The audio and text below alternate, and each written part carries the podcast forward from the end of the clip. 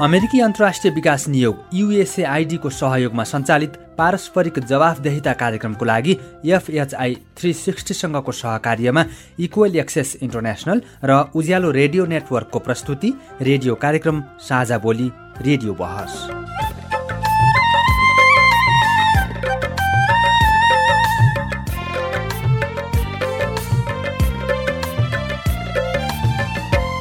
नमस्कार। साझा बोली रेडियो बहसमा तपाईँलाई स्वागत छ। म जानुका दुवाडी साझा बोली रेडियो बहसमा हामी नागरिक समाज आम संसार माध्यम र सार्वजनिक निकाय बीचको पारस्परिक जवाबदेहिता र आपसी दिगो सम्बन्धका विषयमा बहस गर्छौं।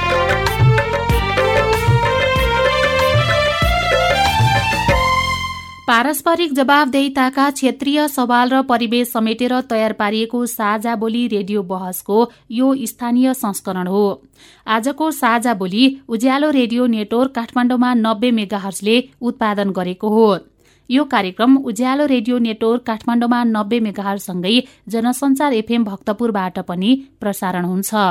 साझा बोली रेडियो बहसको यस सत्रको यो स्थानीय संस्करणको आज पच्चिसौं भाग हो।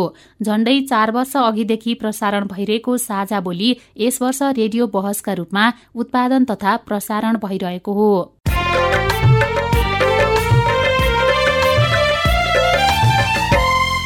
साझा बोली रेडियो बहसको आजको भागमा हामी शिक्षा क्षेत्रको गुणस्तर सुधारका लागि अबको नेतृत्व कस्तो हुनुपर्ला भन्ने विषयमा बहस गर्छौं। दुई हजार चौहत्तर सालमा स्थानीय तहको चुनाव भइसकेपछि शिक्षा क्षेत्र सुधारका लागि केही महत्वपूर्ण कामहरू भएका छन्। तर धेरैजसो पालिकामा दक्ष र प्रभावकारी नेतृत्व नहुँदा शिक्षाको गुणस्तर प्रभावकारी हुन सकेको छैन। आजको कार्यक्रममा हामीसँग छन् शिक्षा क्षेत्र सुधारका लागि पालिका स्तरमा भइरहेका काम? विद्यार्थीहरूको सिकाइ उपलब्धि बढ्नेदेखि लिएर शिक्षकहरूको क्षमता विकास हरेक कार्यहरू चाहिँ एकदम सहजताका साथ अघि बढेको छ। सामुदायिक र संस्थागत विद्यालयको सिकाइप्रति नागरिकको बुझाइ? म त सरकारी भए म थाहै भएँ मलाई कसले निकाल्छ मलाई कसले के गर्छ भन्छ। अनिवार्य चाहिँ क्लासमा दस मिनट ढिलो जान्छ दस मिनट चाँडै आउँछ। र साथमा शैक्षिक गुणस्तर सुधारका लागि अब आउनुपर्ने नेतृत्वको चर्चा। कर्मचारीले भरेको भरमा दलीय दबावको भरमा र विद्यालयहरूकै मादलको तालमा मात्र नाच्ने स्थानीय नेतृत्व आउँदा अबको स्थानीय शिक्षा दिग्भ्रमित हुन गई। समग्र राष्ट्रको रूपान्तरण नै प्रभावित हुन जान्छ।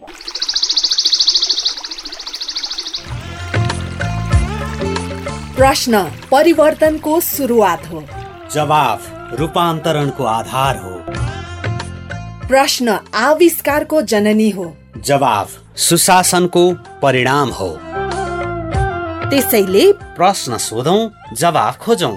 तपाईँले हामीलाई पैसा नलाग्ने नम्बरमा फोन गरेर आफ्ना कुराहरू भन्न सक्नुहुन्छ। एनसेल प्रयोग गर्नुहुन्छ भने अन्ठानब्बे शून्य पन्ध्र एकहत्तर शून्य उन्तिसमा फोन गर्न सक्नुहुन्छ।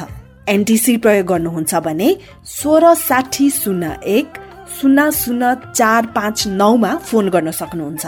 अथवा Boli Sajha at the rate Gmail dot com B O L I S A J H A at the rate Gmail dot कममा इमेल गरेर वा मेरो रिपोर्ट र साझा बोलीको फेसबुक युट्युब ट्विटर टिकटक पोस्टहरूमा सेयर लाइक वा कमेन्ट गरेर पनि आफ्ना कुराहरू भन्नु सक्नुहुन्छ। पारस्परिक जवाफदेहिताका लागि प्रश्न सोधौं जवाफ खोजौं। साझा बोली रेडियो बहस। रेडियो कार्यक्रम साझा बोलीमा तपाईँलाई फेरि स्वागत छ। शैक्षिक गुणस्तरलाई प्रभावकारी बनाउनका लागि अब कस्तो नेतृत्व आउनु पर्ला भन्ने विषयमा बहस गर्नका लागि यतिखेर हामीसँग हुनुहुन्छ शिक्षाविद सन्तोष गौतम र चाँगुनारा नगरपालिकाको शिक्षा शाखामा कार्यरत रञ्जना सापकोटा। आज खरो छलफल हुनेछ। कान थापेर सुन्नुहोला है। यतिखेर हामीसँग शिक्षा क्षेत्रका विज्ञ सन्तोष गौतमज्यू हुनुहुन्छ। त्यसै गरी चाँगुनारायण नगरपालिकामा शिक्षा शाखामा कार्यरत रञ्जना सापकोटाजी हुनुहुन्छ। दुवैजनालाई कार्यक्रममा स्वागत छ। सबैभन्दा पहिला हाम्रो स्थानीय सञ्चारकर्मीसँग कुराकानी गरेको छु सृजल सैजुजी।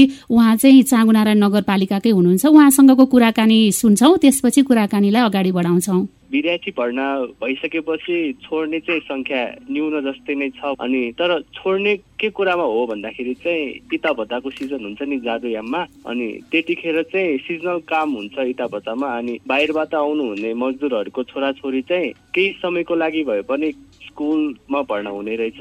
अफ सिजन भइसकेपछि चाहिँ उहाँहरूले चाहिँ अब आफ्नै ठाउँमा जाँदाखेरि चाहिँ अब त्यो केही समयको लागि पढेको विद्यालयबाट चाहिँ ड्रप आउट गर्ने त्यतिमा मात्रै सङ्ख्या रहेको चाहिँ बताउनु भएको छ। स्कुल छोड्ने चाहिँ धेरै ठुलो सङ्ख्यामा छैन भनेर बताउनु भएको थियो। तपाईँले जुन जानकारी दिनुभयो नि इटा भट्टामा काम गर्ने समयमा चाहिँ बालबालिकाहरूले पढाइ छोड्ने रहेछन् भनेर नगरपालिकाले सबै विद्यार्थीहरूलाई त्यस्ता अभिभावकहरू खोजेर त्यस्ता बालबालिकाहरूलाई विद्यालयसम्म पुर्याउनको लागि चाहिँ केही पहल पनि गरेको रहेछ। त्यो विषयमा केही कुराकानी गर्नुभयो? जस्तै अब इटा भत्ताकै मालिकहरू हुनुहुन्छ नि उहाँहरूले चाहिँ अब आफैले नै व्यवस्थित रूपमा शिशु स्याहारहरू खोल्ने रहेछ। के गरी चाहिँ अब पालिकाले जानकारी पाएको अवस्थामा चाहिँ उहाँहरूलाई चाहिँ भर्ना गराउने रहेछ। अनि चाँगुनारायण नगरपालिकामा शत प्रतिशत विद्यार्थी भर्नाको लागि नगरपालिकाले कस्तो खालको अभियान सञ्चालन गरिरहेको छ? एकाडेमिक इयर सुरु हुने केही महिना अगाडि वा केही हप्तामा चाहिँ उहाँहरू चाहिँ हरेकको घर घर दैलोमा जानुहुने रहेछ। अनि यदि कोही छुटेको छ भने चाहिँ भर्ना गराउनलाई उहाँहरूलाई अब के के प्रक्रिया गर्नुपर्ने उहाँले गर्नुहुने रहेछ। त्यस्तै घर दैलो गरेर चाहिँ कस कोही पनि भर्नाबाट नछुटोस् भन्ने चाहिँ अभियान गर्नुहुँदो रहेछ। अहिले अब धेरै पालिकाहरूले स्थानीय पाठ्यक्रम पनि लागू गरेको अवस्था छ। चाँगुनारायण नगरपालिकामा कतिवटा विद्यालयमा स्थानीय पाठ्यक्रम लागू भएको छ र कतिको प्रभावकारी भएको पाउनुभयो? लगभग सबै नै सामुदायिक संस्थानहरूमा लागू भइसकेको रहेछ। अनि चारदेखि पाँच कक्षाको लागि चाहिँ अहिले प्रोसेसमा रहेछ। अनि अब आउने मिटिङबाट चाहिँ त्यो एप्रुभ भइसकेपछि चाहिँ चारदेखि पाँचसम्मको कक्षा लागि पनि हुने रहेछ। अनि यी त भए अलिकति गुणस्तरका कुराहरू। समग्र चाँगुनारायण नगरपालिकामा जति पनि शैक्षिक संस्थाहरू रहेका छन् तिनीहरूको भौतिक पूर्वाधारको अवस्था चाहिँ कस्तो पाउनुभयो यहाँले? बहत्तर सालको भूकम्पपछि चाहिँ सबै जस्तो नै विद्यालयहरू चाहिँ निर्माण भइसकेको अवस्था रहेछ। अनि उहाँहरूले चाहिँ अब भौतिक पूर्वाधार चाहिँ अब जे जस्तो छ त्यतिमा सीमित नराखिकन चाहिँ अब केही सुधार्नु पर्ने कुराहरूमा चाहिँ सुधार्ने प्रक्रियामा रहेछ। चौबिसवटा इसिडी क्लासलाई चाहिँ एक लाख रुपियाँको रकम चाहिँ हरेक विद्यालयमा उपलब्ध गराएर चाहिँ बालमैत्री कक्षा बनाउने योजना रहेछ। अनि उहाँहरूले चाहिँ यो सत्ताइस गतेभित्र चाहिँ सबै विद्यालयहरू बालमैत्री बनाएर चाहिँ चाङ्गोमै पुरै घोषणा गर्ने योजना राख्नु भएको रहेछ। दुवैजनाले हाम्रा स्थानीय सञ्चारकर्मी सृजल सैजुज्यूसँगको कुराकानी सुनिसक्नुभयो। म कुराकानीको सुरुवात चाहिँ शिक्षा क्षेत्रका विज्ञ सन्तोष गौतमज्यूबाट गर्छु।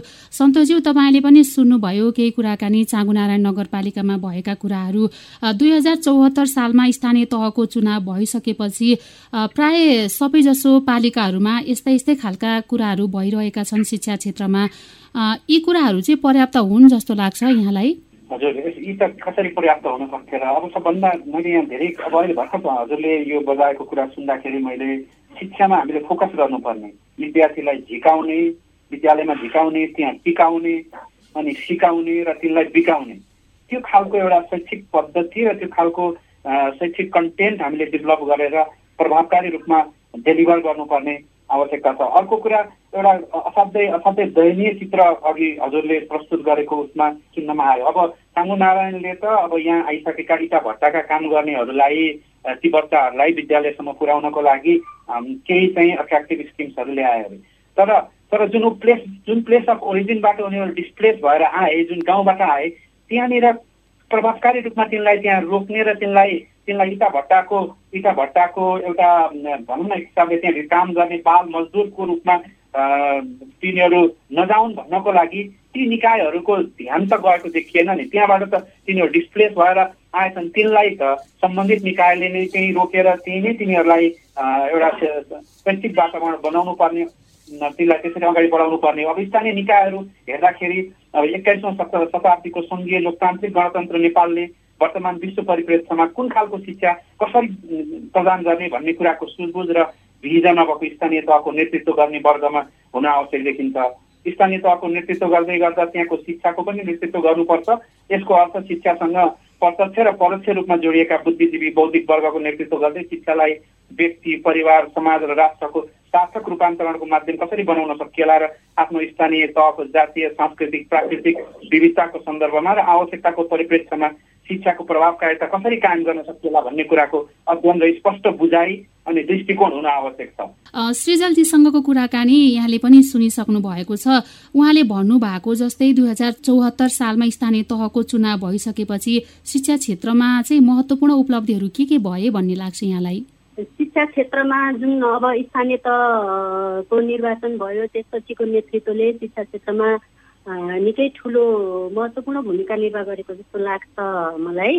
हाम्रो जुन चाँगुनारायण नगरपालिकाको कुरा छ चाँगुनारायण नगरपालिकाले चाहिँ शैक्षिक गुणस्तर वृद्धिको लागि धेरै प्रयासहरू गरिरहेको छ र विगतका आबहरूमा पनि धेरै राम्रा क्रियाकलापहरू गरेको छ जसले गर्दाखेरि चाहिँ विद्यार्थीहरूको सिकाइ उपलब्धि बढ्नेदेखि लिएर शिक्षकहरूको क्षमता विकास हरेक कार्यहरू चाहिँ एकदम सहजताका साथ अघि बढेको छ चाँगुनारायण नगरपालिका। एउटा अब साक्षर नगरपालिका घोषणा भइसकेको अवस्था छ। त्यसले गर्दाखेरि पनि शिक्षा क्षेत्रमा चाहिँ धेरै चाहिँ राम्रा प्रयासहरू भइरहेका छन् जस्तो चाहिँ चाँगुनारायण नगरपालिकाले विद्यार्थी टिकाउको लागि र विशेष गरी छात्राहरूलाई चाहिँ जुन अब सामुदायिक विद्यालयहरू सामुदायिक विद्यालयप्रति अभिभावकहरूको सक्रियता बढाउनको लागि छात्राहरूको लागि विशेष बैङ्क खाता छोरीको सुरक्षा जीवनभरिको भन्ने कार्यक्रम लागू गरेको छ जसले चाहिँ जुन हाम्रो चाहिँ अब बिचमा छात्राहरूले स्कुल छोड्ने बितिरहेको छ बितेन जुन टिनेजको टिनेजको उसमा चाहिँ उनीहरूले अब छिटै विवाह गरेर बाहिरिने क्रम छ त्यो क्रम पनि रोकिएको छ जुन यो बचत खाता छोरीको सुरक्षा जीवनभरिको भन्ने कार्यक्रमले एउटा एकदमै राम्रो प्रयास भएको छ। अघि सरले भन्नुभएको थियो इँटा भट्टाको लागि पनि के कार्यक्रमहरू भए त भन्ने प्रसङ्गमा प्रसङ्गमा पनि जुन चाहिँ इँटा भट्टाका बालबालिकाहरू विद्यालयमा सहभागी हुन सकेका छैनन् तिनीहरूको लागि विद्यालयगत रूपमा ओडागत रूपमा चाहिँ बाल क्लबहरू गठन भएका छन् र ती बाल क्लबको माध्यमबाट चाहिँ जुन विद्यार्थीहरू इटा भट्टाका बालबालिकाहरू पनि विद्यालयमा सहभागी भएका छन् विद्यालयहरूमा चाहिँ भर्ना दर बढिरहेको छ। संस्थागत र सामुदायिक विद्या जुन चाहिँ संस्थागत र सामुदायिक विद्यालयको कुरा छ सामुदायिक विद्यालयमा यो बचत खाता छोरीको सुरक्षा जीवनभरिको भन्ने कार्यक्रम लगायत अन्य जुन शिक्षकहरूलाई हामीले चाहिँ उनीहरूको क्षमता विकासको लागि विभिन्न प्रकारका तालिमहरू प्रदान गरेका छौँ। विद्यालयको व्यवस्थापन प्रभावकारी बनाउनको लागि विद्यालय व्यवस्थापन समितिको लागि चाहिँ तालिमहरू प्रदान गरेका छौँ। त्यस्तै गरी चाहिँ अभिभावक शिक्षा कार्यक्रमहरू हरेक कार्यक्रमहरू चाहिँ यो सागुनारायण नगरपालिकाबाट हुने गरेको छ। गौतमज्यू रञ्जनाज्यूले भनेको जस्तै अहिलेको नेतृत्वले शैक्षिक क्षेत्र सुधारको लागि केही आधार चाहिँ निर्माण गरेको हो कि भन्ने लाग्छ तपाईँलाई पनि? केही आधार चाहिँ निर्माण भएको देखिन्छ। अब अहिले अहिले समग्र रूपमा राष्ट्रिय रूपमा यसो यसलाई एकचोटि हेर्दाखेरि स्थानीय निकायहरूमा कुनै न कुनै जागरुक जागरुकता सुझबुझ चाहिँ आएको देखिन्छ। तर यो फोकस चाहिँ विशेष गरी अहिले मैले यसलाई चाहिँ यसो मूल्याङ्कन गर्नु पर्दाखेरि हाम्रो फोकस चाहिँ अलिकति इन्फ्रास्ट्रक्चरल पार्टपट्टि भौतिक पूर्वाधारहरूपट्टि बिल्डिङहरू यो सामुदायिक विद्यालयहरू हेऱ्यो भने असाध्यै राम्रा हाइफाई बिल्डिङहरू बनेका छन्। होइन? सबै कुरा छ ल्याबहरू सबै कुरा बनेको छ तर त्यहाँभित्रको सफ्टवेयर पार्टमा अझै पनि कमजोरी देखिन्छ होइन? अब कस्तो कस्तो छ भन्दाखेरि हाम्रो शिक्षाका रोगहरू जुन जुन रोगले हाम्रो शिक्षा पहिलेदेखि पीडित थियो ती रोगहरू अझै पनि उस्तै देखिन्छन्। यो अब जवाफदेतालाई सिफ्ट गर्ने हामीले त गरेको उसले गरेन। उसले होइन अब गर्नुपर्ने कसले हो त्यो खासमा त्यो त्यो कामलाई चाहिँ फस्टै गर्नुपर्ने कसले हो त्यो कुरा चाहिँ सारी राख्ने। अर्को चाहिँ हाम्रो अपडेटिङ चाहिँ अझै पनि पुवर छ। होइन जुन अपडेट गर्नुपर्ने हो ज्ञान ज्ञानको कुराहरूलाई पढ्ने अध्ययनशील हुने अनुसन्धान गर्ने पब्लिस गर्ने एउटा स्कलरली स्कलरली इङ्गेजमेन्ट जुन एउटा हुनुपर्ने हो यो शिक्षा क्षेत्रसँग जोडिएका मान्छेहरूको जहिले पनि उही दस वर्ष अगाडि पन्ध्र वर्ष अगाडि पढेको कुरा बेचेर अहिले पनि खाइराख्ने खालको प्रवृत्ति त्यो अझै पनि देखिन्छ है। अब हेर्दाखेरि केही केही सुधार स्वरूपमा केही सुधार देखिन्छ तर सारमा धेरै समस्याहरू अझै पनि छन्। तपाईँ अहिले पारस्परिक जवाबदेहिता प्रवर्धनका लागि साझा बोली रेडियो बहस सुन्दै हुनुहुन्छ। हामी शैक्षिक गुणस्तर सुधारका लागि अबको नेतृत्व कस्तो हुनुपर्ला भन्ने विषयमा छलफल गरिरहेका छौं। यतिन्जेल हामीले अहिलेको नेतृत्वले शैक्षिक गुणस्तर सुधारका लागि गरेका पहल भएका महत्वपूर्ण उपलब्धि लगायतका विषयमा छलफल गर्यौं। साझा बोली रेडियो बहसमा अझै हामी शैक्षिक पूर्वाधार निर्माणमा ध्यान दिनुपर्ने कुराहरू शत प्रतिशत विद्यार्थी भर्नाका लागि पालिका स्तरबाट हुनुपर्ने प्रयास लगायतका विषयमा सवाल जवाफ गर्नेछौ। अब फेरि हामी केही सहभागीको केही भनाइ सुन्छौ त्यसपछि कुराकानीलाई अगाडि बढाउँछौ। मेरो परिचय ऋषिराम पौडेल। म त सरकारी भएँ म थाहै भएँ। मलाई कसले निकाल्छ मलाई कसले के गर्छ भन्छ। अनि गरी चाहिँ। क्लासमा पनि दस मिनट ढिलो जान्छ दस मिनट चाँडै आउँछ।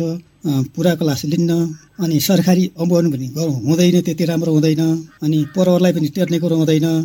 त्यसो गर्दाखेरि यो के भने अलिक मुस्किल छ। यिनलाई सम्मान गर्नु त। नमस्कार म सुगदेव गेवाली।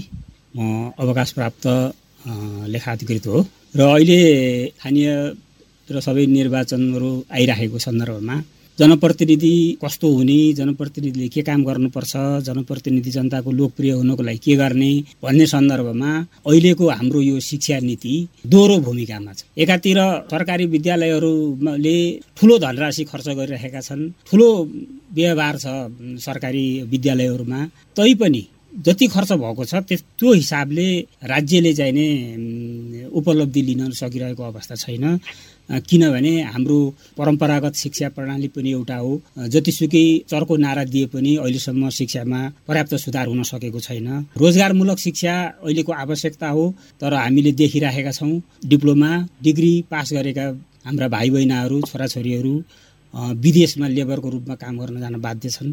र अर्कोतिर निजी क्षेत्रबाट सञ्चालित विद्यालयहरू केही रूपमा सुधारात्मक रूपमा चाहिँ अथवा तुलनात्मक रूपमा सरकारी विद्यालय भन्दा राम्रो नतिजामा छ किनभने अलिकति बढी अनुशासन लगनशीलता र एउटा प्राइभेट सेक्टर भएको हुनाले अनुगमन पनि अलिकति व्यक्तिगत रूपमा चाहिँ राम्रै मैले महसुस गरेको छु।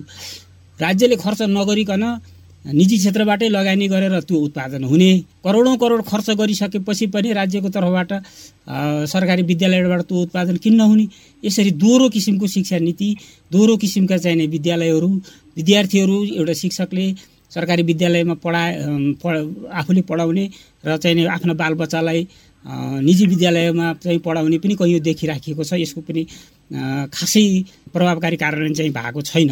केही सहभागीको भनाइ यहाँहरू दुवैजनाले सुनिसक्नु भएको छ। म फेरि पनि कुराकानीको सुरुवात चाहिँ सन्तोष गौतमज्यूबाट गर्छु। गौतमज्यू स्थानीय तहको चुनावमा उठ्ने उम्मेद्वारहरूले आफ्नो घोषणा पत्रहरूमा शिक्षा स्वास्थ्य लगायतका क्षेत्रमा सुधार गर्ने कुराहरू उल्लेख गरेका हुन्छन्। तर त्यसको यथार्थ धरातल र स्थानीय आवश्यकताको अध्ययन गर्न नपुगेको हो भन्ने लाग्दैन। अहिले तपाईँलाई यो सहभागीहरूको भनाइ सुनिसकेपछि। हो एकदमै यो शिक्षा चाहिँ अहिले कस्तो भएर आयो भने स्थानीय आवश्यकतालाई नबुझिकन अथवा आफ्नो स्थानीय तहको होइन त्यहाँको सांस्कृतिक विविधता त्यहाँको प्राकृतिक विविधता त्यहाँका आवश्यकताहरू त्यहाँका सम्भाव्यताहरू त्यहाँका कमजोरीहरू त्यो सबै कुरालाई राम्रोसँग अध्ययन नगरिकन हचुवाको भरमा शिक्षाका नीतिहरू बनाउने कामहरू गरिएका छन्। अघि यहाँ कुरा आउँदै गर्दा निजी र निजी र यो तपाईँको के अरे सामुदायिक शिक्षाको कुराहरू आए। अब यो यो सवालमा विज्ञहरूको समूहले उतिखेरै सुझाव दिइसकेको अब विभिन्न विभिन्न स्वास्थ्य केन्द्रहरूको चलखेलबाट त्यसलाई सार्वजनिक पनि गरिएन। किनभने अब चाहिँ अब चाहिँ शिक्षा यसरी दुई खालको शिक्षा देशमा रहनु हुँदैन। यो शिक्षा नाफाको विषय होइन। अब सबै यो कम्पनीको अन्तर्गतका विद्यालयहरूलाई गुठी अन्तर्गत लैजाने काम गरौँ। यसलाई गैर नाफामूलक बनाऊ भन्ने खालका कुराहरू आएका थिए। अब ती ती बाहिरिसके तर त्यसलाई चाहिँ कार्यान्वयन गरिएन किनभने अब नीति नीतिगत तहसम्मै हाम्रो अब केही चलखेलहरू केही केही स्वास्थ्य स्वास्थ्य प्रवृत्ति स्वास्थ्य प्रवृत्तिहरू हावी भइदिँदा ती कुराहरू लागू हुन सकिराखेका छैनन्। अनि अर्कोतर्फ कस्तो भइराखेको छ भने स्थानीय तहले अब जुन एउटा स्थानीय तहका जुन अघि समस्याहरू सुन्नमा आए होइन विदेशी बाध्य हुने कुराहरू होइन अब निजी क्षेत्र तुलनात्मक रूपमा देखिएर देखिने रूपमा भनौँ न एक हिसाबले देखिने रूपमा निजी क्षेत्रको उत्पादन अलिक राम्रो भएको अवस्थाको कुराहरू होइन? दोहोरो शिक्षा नीतिले एउटा गल्फ क्रिएट गरेको कुराहरू यी कुराहरू जुन आए अब यो यो चाहिँ यी कुराहरूलाई चाहिँ अलिकति स्थानीय तहले अबका शैक्षिक नीतिहरू बनाउँदै गर्दा सङ्घीयदेखि लिएर स्थानीय तहसम्मका शैक्षिक नीतिहरू भन्दै गर्दा अब नेपालमा विडम्बनाको कुरा होइन? अब सङ्घीय शिक्षा नीति समेत चाहिँ के अरे ल्याउन ल्याउन नसक्ने अवस्था किन रहेको छ। त्यो एउटा समस्याको कुरा छ होइन? जब मार्केट डिमान्ड्सहरू परिवर्तन भइरहेको छ। अब सही शिक्षण सिकाइका अप्रोचहरूमा परिवर्तन आइरहेको छ। अब वान साइज फिट्स अलबाट पहिलाकै जस्तो हाम्रो जुन मगिङ एन्ड भमिटिङ क्लासमा मास्टरले ज्ञानको ट्याङ्की बोकेर ल्याउने विद्यार्थीका साना साना दिमागमा खनाउने नै हो भन्ने त्यही सोचले नै अहिलेसम्म पनि हाम्रो शिक्षण सिकाइ क्रिया क्रियाकलाप अगाडि बढिरहेको अवस्था छ।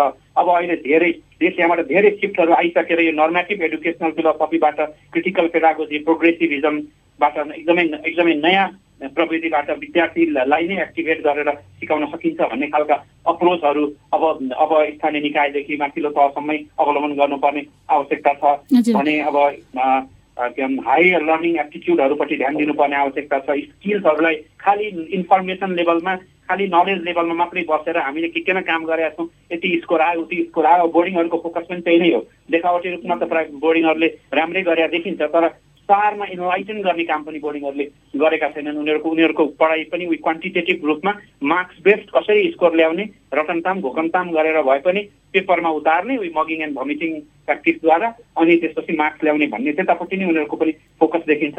भने अब अहिलेका अहिलेका अन्तर्राष्ट्रिय रूपमा होइन राम्रो भनेर प्रमाणित भइसकेका अप्रोचहरू टिचर फेसिलिटेटरको रूपमा रहने होइन रिसर्च बेस्ड अप्रोचहरू प्रोग्रेसिभ अप्रोचहरू लागू गरेर शिक्षालाई अब अलिकति सुधार गर्नुपर्ने आवश्यकता अघिका केही अभिव्यक्तिहरूबाट मैले त्यो आवश्यकता देखेँ। हजुर सापकोटाज्यू यहाँले पनि केही सहभागीको भनाइ सुनिसक्नुभयो र सन्तोष गौतमज्यूको कुरा पनि सुनिसक्नुभयो। यी सबै कुराहरू सुनिसकेपछि अबको हाम्रो ध्यान चाहिँ के कुरामा हुनु पर्ला भन्ने लाग्छ? सर्वप्रथम मैले के कुरा राख्न खोजेँ भने जस्तो हाम्रो सन्तोषजीले भने जस्तो परम्परागत रूपमा जुन शिक्षण प्रक्रिया रहेको छ शैक्षिक प्रक्रिया रहेको छ त्यो तत्काल परिवर्तन गर्न सकिन्छ भन्ने कुरा होइन। तर जब यो स्थानीय त स्थानीय संरचना बन्यो तबदेखि चाहिँ पक्कै पनि शिक्षामा चाहिँ केही न केही परिवर्तनहरू भइरहेको छ। र हुने आशा पनि हामीले गरेका छौँ। किन भन्दाखेरि जहाँ स्थानीय स्तरका प्रोत्साहनहरू प्रयोग र परिचालन गरेर स्थानीय समस्यामा आधारित भएर स्थानीय तहले चाहिँ आफ्नो शैक्षिक योजना निर्माण गरेको हुन्छ त्यो कारणले गर्दाखेरि त्यो योजना परिपूर्ति जुन शिक्षाको उद्देश्य राखेको हुन्छ त्यो उद्देश्य परिपूर्ति गर्नमा प्राय त स्थानीय तहहरू लागि परेका छन् र समग्रमा राष्ट्रिय स्तरमा हेर्दा एकैपटक शैक्षिक संरचना शैक्षिक विकास परिवर्तन हुन नसके तापनि क्रमशः चाहिँ विकासको गतिमा अगाडि बढिरहेको जस्तो मलाई लाग्छ। त्यस्तै गरी हाम्रो चाँगुनारायणको केसमा भन्ने हो भने चाँगुनारायण नगरपालिकामा सर्वप्रथम त अब शिक्षा क्षेत्रमा लामो समयसम्म व्यतीत गर्नुभएका यता बौद्धिक व्यक्तित्वले चाहिँ यस नगरपालिकाको नेतृत्व गर्नुभएको छ।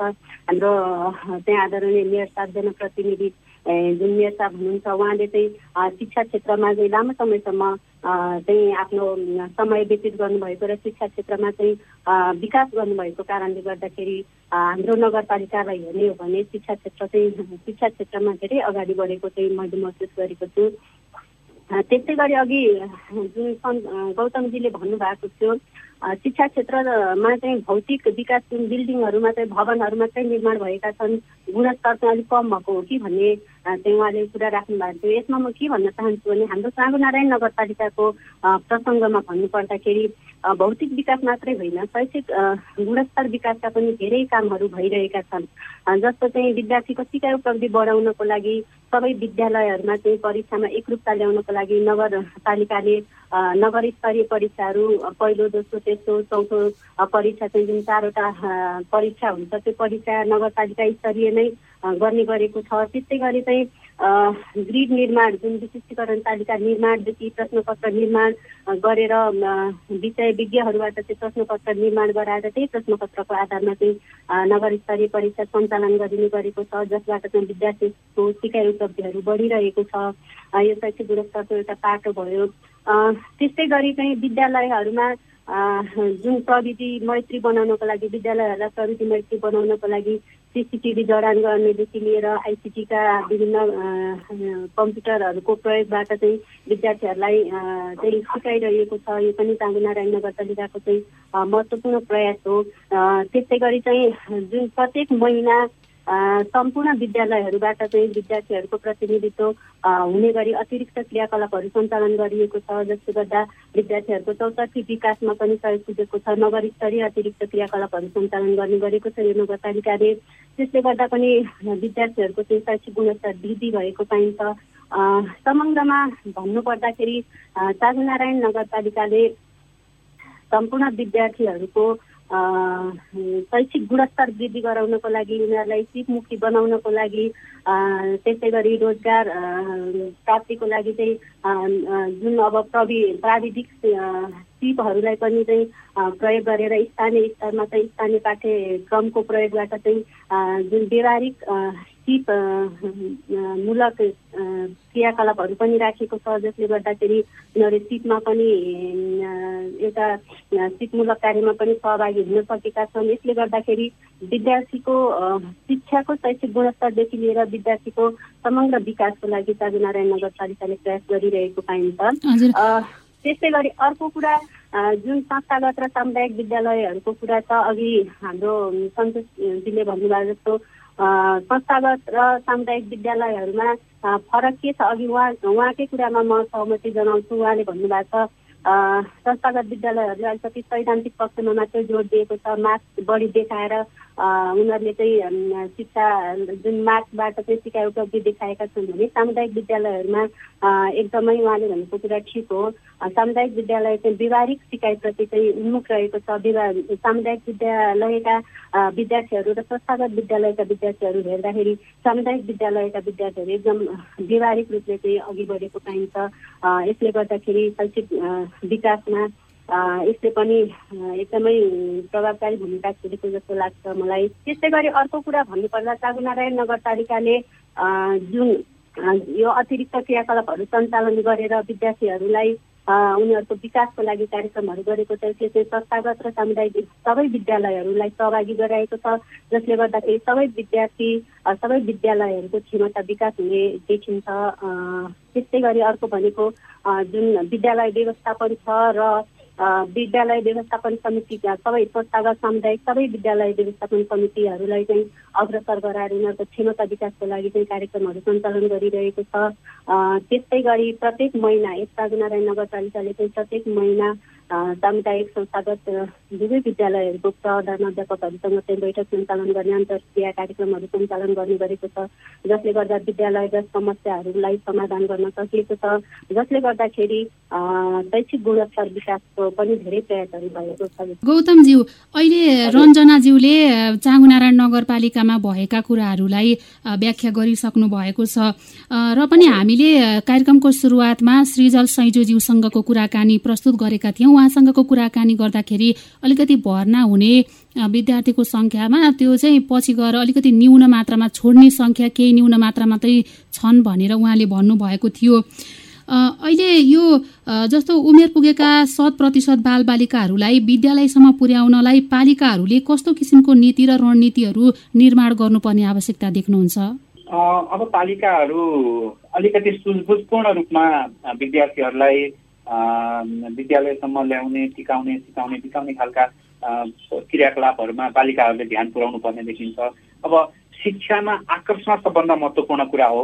अब कम्पिटिसनको कुरा एकातिर छ कोलाबोरेसनको कुरा पनि त्यत्तिकै महत्त्वपूर्ण छ। सहकार्यको कुरा एक अर्कासँग जोडिने कुरा एक अर्कालाई आकर्षण गर्ने कुरा शिक्षित हुँदै गर्दा शिक्षाले हाम्रो जीवनका मा बहुआयामिक रूपान्तरण ल्याउँछ भन्ने कुरा त्यो त्यो कुरा पब्लिकसम्म पुर्याउने र त्यहाँ त्यहाँ त्यो कुरालाई चाहिँ पब्लिकको को मानव पटलमा स्थापित गर्ने एउटा आवश्यकताका कुरो हो भने अर्को चाहिँ अब विभिन्न खालका आकर्षणका स्किमहरू पहिला बिचमा आउने हराउने गरिराखेका छन्। त्यो खाल त्यो कुराहरू आकर्षण गर्ने स्किमहरू होइन? अब त्यो दिवा खाजाका कुराहरूदेखि लिएर ड्रेसहरूका कुराहरूदेखि लिएर राम्रोसँग पढाउने प्यारेन्टल एडुकेसनको कुरा अघि नामले पनि भन्नुभयो। साङ्गुनारायणमा कामहरू धेरै भएको रहेछ मलाई खुसी लाग्यो। राम्रो कामहरू भएको रहेछ। यसै यसै गरी यो पब्लिक एडुकेसनमा यसरी काम हुँदै गयो र पब्लिक शिक्षालाई नै त्यसरी स्ट्रेन्थेन गरियो भने भोलिको दिनमा हामीले दुई खालको शिक्षा हुने कुरालाई पनि हामीले कन्ट्रोल यत्तिकै स्वाभाविक रूपमा गर्न सक्छौँ र र जुन एउटा सबैको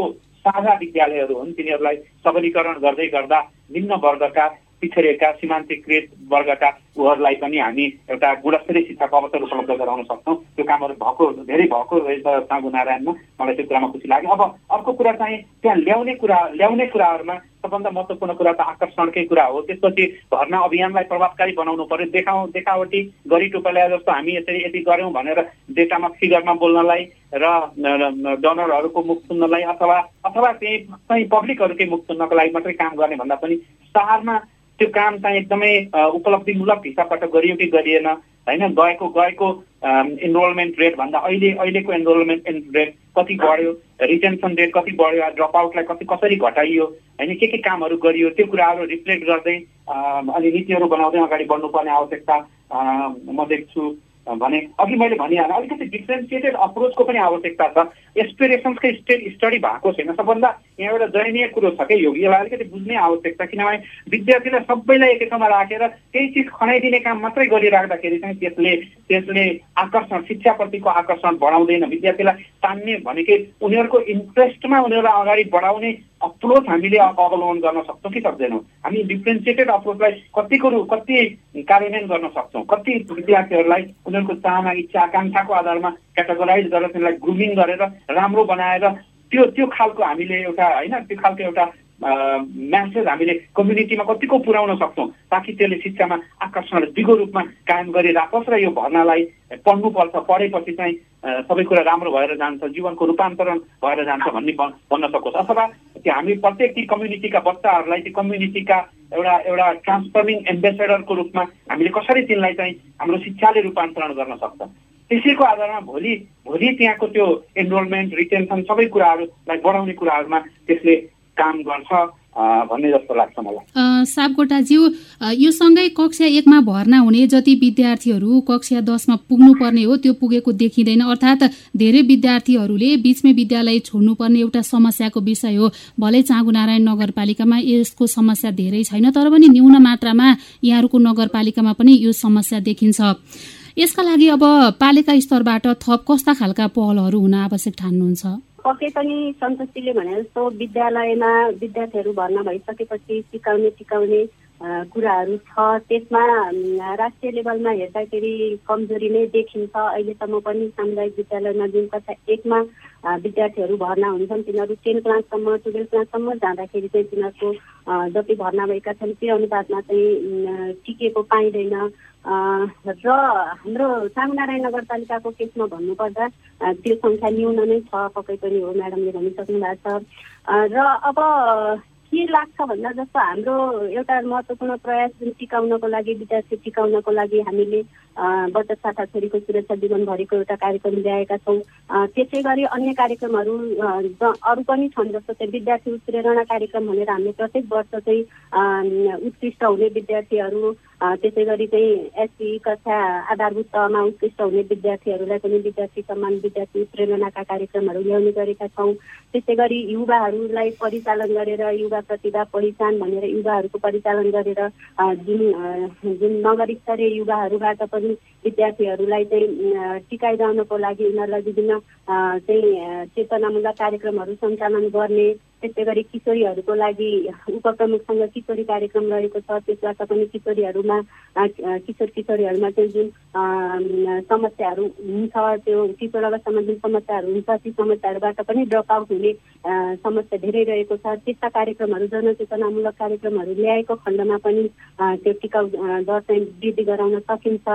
त्यसै गरी अब जसरी हाम्रो चाङनारायण नगरपालिकामा यो उपप्रमुखसँग किशोरी त्यसै गरी मेयरसँग बालबालिका कार्यक्रमहरू रहेको छ। त्यसै गरी बचत खाता छोरीको रहेको छ। यस्तै कार्यक्रमहरू अरू पालिकाहरूले पनि अरू स्थानीय तहहरूले पनि ल्याउन सकेको खण्डमा विद्यार्थीहरूलाई बेला बेलामा चाहिँ उनीहरूलाई चाहिँ नगर स्तरीय कार्यक्रमहरूमा सहभागी गराउने जनचेतनामूलक कार्यक्रमहरू गराउने यस्तो कार्यक्रमहरू गर्न सकेको खण्डमा पनि विद्यार्थीलाई टिकाउन सकिन्छ। र अर्को महत्त्वपूर्ण कुरा चाहिँ यो हाम्रो चाहिँ राष्ट्रिय रूपमै भइरहेको छ जुन विशेष गरी छोरीहरूले कक्षा छोड्ने विषयमा कक्षा छोड्ने एउटा अर्को कारण भनेको चाहिँ जुन अब त्यो मिन्सुरेसनको कारणले पनि त्यो छोड्ने रहेको छ राष्ट्रिय लेभलको समस्या हो। त्यो चाहिँ हाम्रो पालिकामा चाहिँ त्यस्तो समस्या छैन।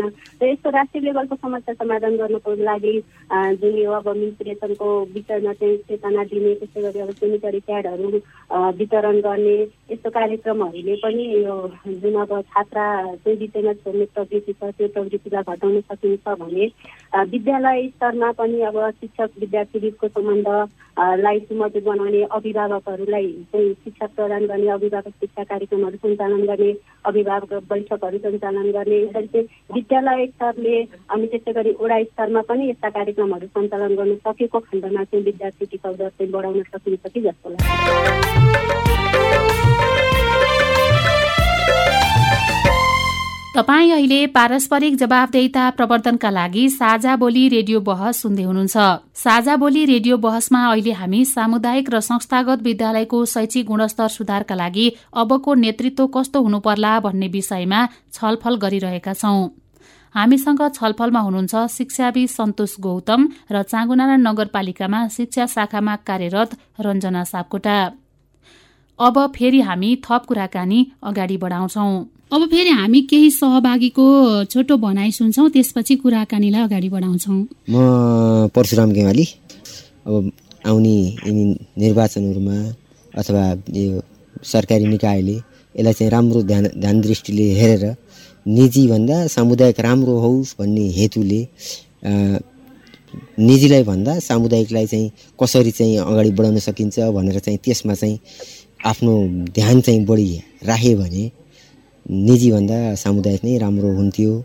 अब त्यसमा चाहिँ पढाइको गुणस्तर शिक्षा अब टिचरहरूको कतिको योग्यता छन् कसैको चाहिँ सोच होसको भरमा नभएर उनीहरूको क्षमताको आधारमा राख्ने नियमित अनुगमन गर्ने राम्रो छ कि छैन सरसफाइ अब विद्यार्थीहरूलाई कसरी राखिएको छ व्यवस्थापन कसरी गरिएको छ यिनी सबैमा ध्यान दिने हो भने गुणस्तर बढ्न सक्छ। गीता देवी पौडेल हो अनि यो विद्यार्थीको लागि अब सरकारी अनि प्राइभेट जे जस्तो भए पनि हामीहरूले चाहिँ एकदम दुवै समान विवाह व्यवहार गरेर विद्यार्थीहरूलाई अनुशासित गरेर कुन तरिकाले विद्यार्थी अब अघि बढ्न बढाउन सकिन्छ अघि बढ्न सकिन्छ विद्यार्थीहरू सुशील अनि तकडा हुनु पर्यो उनीहरू कोसिस गर्नु पर्यो अभिभावक र टिचरहरूले पनि एकदम राम्रोसित बच्चाहरूलाई बाहिर घुम्न डुल्न नदिएर चाहिँ अलिकता आफ्नो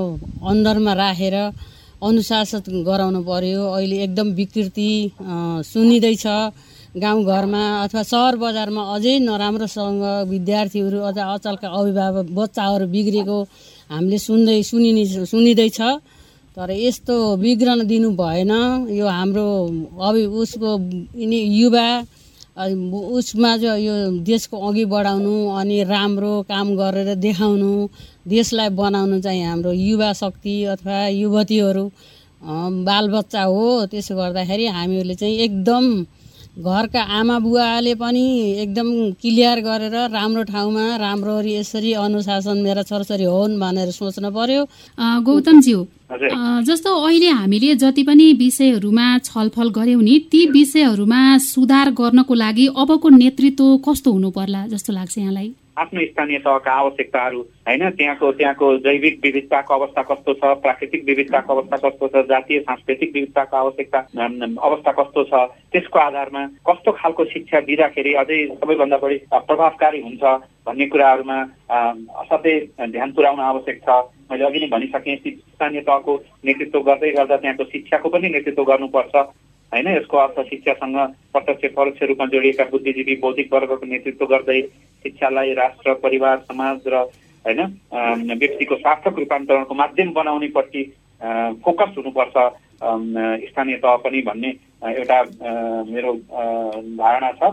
अनि अर्को कुरा चाहिँ अर्को कुरा चाहिँ के के छ भन्दाखेरि संविधानले नै अब यो मावि तहसम्मको होइन मावि तहसम्मको जुन एउटा शिक्षाको सम्पूर्ण जिम्मेवारी स्थानीय तहलाई दिने भनेर परिकल्पना गरिसकेपछि अबको स्थानीय तह त्यो त्यो ल्याकत स्थानीय तहले विकास गर्न आवश्यक छ होइन? चाहे पाठ्यक्रमको सवालमा होस् चाहे डेलिभरीको सवालमा होस् चाहे मोनिटरिङ र इभ्यालुएसनको सवालमा होस् परीक्षा गर्ने सम्पूर्ण कुरा त्यो शिक्षालाई समग्रतामा लिड गर्ने र त्यसलाई त्यसलाई प्रोडक्टिभ बनाउने कुरामा एउटा सुझबुझपूर्ण क्षमता स्थानीय तहले विकास गर्नुपर्ने आवश्यकता मैले देख्छु। अब खालि खालि उही होइन अब प्राय जसो धेरै जसो। मैले अघि हाम्रो अर्को म्याडमको कुरा सुन्दै गर्दा राम्रा कामहरू भएको कुराहरू सुने मैले खुसी लाग्यो। केही स्थानीय तहमा त्यस्तै राम्रा कामहरू भएका छन्।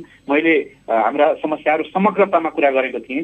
कहीँ पिन पोइन्ट गरेर बोलेको थिइनँ होइन? तर बेसिकल्ली हाम्रो राष्ट्रिय रूपमा देखिएका अहिलेसम्म विगतदेखि वर्तमानसम्मको एउटा हाम्रो शैक्षिक जर्नी जुन राष्ट्रको एउटा शैक्षिक गति छ अग्रगमन छ। त्यो कुरालाई हेर्दाखेरि देखिएका यी समस्याहरू मैले राखेको हुँ। अनि अर्को कुरा चाहिँ के छ त भन्दाखेरि अब अहिले अब अलिकति हामीले फोकस गर्नुपर्ने स्थानीय तहले फोकस गर्नुपर्ने कुरा सदाचार शिक्षापट्टि पनि छ। हाम्रो ओरिएन्टल एडुकेसन चाहिँ असाध्यै हामी बिर्सिसकेका छौँ। हाम्रो पूर्वीय भनेको केही पनि होइन। सबै पाश्चात्य कुराहरूलाई अवलम्बन गरेर हामी चाहिँ असाध्यै अन्तर्राष्ट्रिय स्तरको विज्ञ बन्न सक्छौँ र त्यही बेचेर चाहिँ हामी हामी हामी होइन हामी हाम्रो जीवन चलाउन सक्छौँ भन्ने खालको एउटा एउटा त्यो भ्रमले हामीलाई बिगारेको छ। हामीपट्टि हाम्रो लेन्सलाई अब हामीपट्टि पनि फर्काएर हेरौँ। हाम्रो हाम्रा हाम्रो जुन एउटा यहाँको इन्डिजिनियस नलेज सिस्टम हो होइन यतापट्टि हेरौँ। हामी बाहिरबाट ज्ञान आउ नआउँदै गर्दा मोडर्न एडुकेसन नआउँदै गर्दा पनि त हाम्रो यहाँ पुर्खाहरू बाँच्नु भएको थियो। हामीले ती सबै कुराहरूलाई अहिले सुपरस्टिसनको अन्धविश्वासको डस्टबिनमा लगेर हालिदिने हाम्रो भएको जतिलाई अनि त्यहाँभित्रको विज्ञान त्यहाँ त्यहाँभित्रको साइन्सको खोजी गर्नेपट्टि नलाग्ने त्यो खालको प्रवृत्ति अहिले देखिएको छ। अनि अब त्योबाट अगाडि बढेर हाम्रा कुराहरूभित्रको विज्ञान त्यहाँ त्यहाँ त्यसभित्रको तत्त्व होइन त्यस त्यसको सिग्निफिकेन्सलाई खोजेर होइन त्यसले हाम्रो जीवनलाई कसरी रूपान्तरण गर्न सकिन्छ सक्छ त्यसलाई हामी कसरी अगाडि बढाउन सक्छौँ किनभने हाम्रो कुरा हाम्रो कुरालाई अगाडि बढाउँदा पो बल्ल बल्ल हाम्रो त्यो त्यसमाथिको पकड बलियो रहन्छ। हामी अरूका कुराहरूको पैसा लगु भइरहँदाखेरि त सधैँभरि हाम्रो अवस्था दयनीय नै रहन्छ। सधैँभरि हामी सिकादो सधैँभरि हामी हात थाप्ने अवस्थामै रहन्छौँ। त्यो कारणले गर्दा हाम्रो इन्डिजिनियस नलेजलाई एक्सप्लोर गर्ने रिसर्चलाई अगाडि बढाउने स्थानीय तह तहतिर। किनभने स्थानीय तह को र यो अहिले जुन सङ्घीयताको परिकल्पना पनि एक हिसाबले त्यो त्यो उद्देश्य पनि त्यो एउटा महत्त्वपूर्ण उद्देश्य हो। किनभने त्यहाँको विविधता त्यहाँको विशिष्टता त्यहाँको त्यहाँको ज्ञानको भण्डारको खोजी गरेर त्यसलाई त्यसलाई अगाडि बढाउने त्यसलाई प्रमोट गर्ने र त्यसलाई चाहिँ अब एउटा जीवन निर्वाहको केही केही केही ज्ञान ज्ञानका कुराहरू इन्डिजिनियस नलेजका कुराहरू जीवन निर्वाहको आधार पनि बन्न सक्छन्। त्यो स्थानीय तहको जीवन निर्वाहको आधार बनाउने कि अब यहीँ हामी काठमाडौँकै नेवारहरू हेर्ने भने कति धेरै विविधता छ होइन? ताम्राकार शिल्पकार होइन? व्यञ्जनकार सबैको आफ्ना आफ्ना कस्ता ट्रेडिसनल विशेषताहरू र एउटा एउटा जीवन निर्वाह गर्ने ट्रेडिसनल ऊहरू छन् होइन? सिपहरू क्षमताहरू छन्। त्यसलाई खोजी गर्ने त्यसलाई प्रमोट गर्ने त्यसलाई अगाडि बढाउने यस्ता खालका कुराहरूपट्टि फोकस्ड हुनु पर्यो हाम्रा रिसोर्सेसहरू स्थानीय स्रोत साधनहरूको खोजी गर्ने त्यसलाई आय आय दिगो आय आर्जनको माध्यम बनाउने खालका सुझबुझ पूर्ण एउटा सोचसहितको होइन एउटा ज्ञानको सिस्टम नलेज सिस्टम हामीले स्थानीय तहमा डेभलप गर्नुपर्ने आवश्यकता म देख्छु। अब अन्तिममा रञ्जनाज्यू आजको छलफलपछि अब चाहिँ हामी अबको नेतृत्व अध्ययनशील रचनात्मक र सानोतिनो जोखिम उठाउन सक्ने खालको हुनुपर्छ भन्ने कुरामा सहमत हुन सक्छौँ।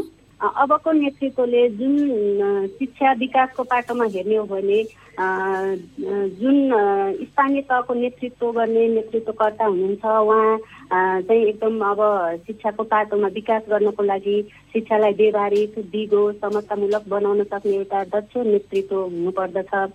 त्यस्तै गरी अर्को कुरा भनेको के छ भन्दाखेरि अघि सरले भन्नुभयो जस्तो जुन ठाउँमा जे रिसोर्सहरू छ त्यो रिसोर्सहरूलाई युटिलाइज गरेर त्यसलाई चाहिँ प्रोडक्टेबल बनाउनको लागि चाहिँ तयार पार्न सक्ने एउटा दक्ष जनशक्ति तयार पार्न सक्ने खालको सबै कुरामा दक्ष नेतृत्व हुनुपर्ने चाहिँ आवश्यकता रहेको छ। हामी साझा बोली रेडियो बहसको अन्त्यमा आइपुगेका छौं। साझा बोली रेडियो बहसबारे मनका कुरा भन्नका लागि एनटिसीको मोबाइल वा ल्यान्डलाइन फोन प्रयोग गर्नुहुन्छ भने सोह्र साठी शून्य एक शून्य शून्य चार पाँच नौमा फोन गर्न सक्नुहुन्छ।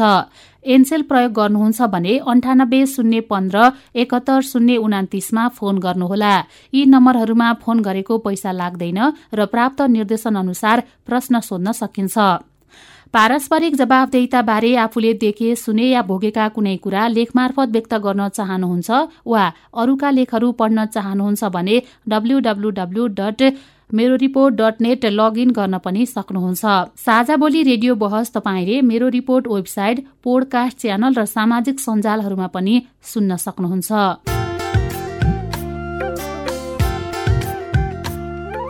हवस् त। आजको साझा बोली रेडियो बहसबाट अब भने विदा हुने बेला भयो। आज हामीले अहिलेको नेतृत्वले शिक्षा क्षेत्रमा गरेका महत्वपूर्ण उपलब्धि गर्नै पर्ने तर गर्न नसकेका काम शिक्षालाई व्यावहारिक र जीवन उपयोगी बनाउन स्थानीय स्तरमा अबको नेतृत्वको खाँचो लगायतका विषयमा चर्चा गर्यौं साथै आजको कार्यक्रम मार्फत अबको नेतृत्व अध्ययनशील लगनशील जोखिम उठाउन सक्ने र शिक्षा क्षेत्रको गुणस्तर सुधार गर्न सक्ने हुनुपर्छ भन्ने विषयमा सहमत भएका छौं। आजका हाम्रा अतिथि हुनुहुन्थ्यो चाँगुनारायण नगरपालिकाको शिक्षा शाखामा कार्यरत रञ्जना सापकोटा र शिक्षाविद सन्तोष गौतम।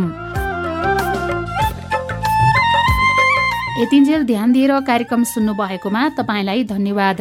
आगामी हप्ता पनि आजको जस्तै समयमा सार्वजनिक जवाफदेताको अर्को विषयमा खरो छलफल लिएर आउनेछौ। सुन्न नबिर्सिनुहोला है। आजको कार्यक्रमबाट प्राविधिक साथी सङ्घर्ष विष्टसँगै म जानुका दुवाडी विदा भएँ। नमस्कार।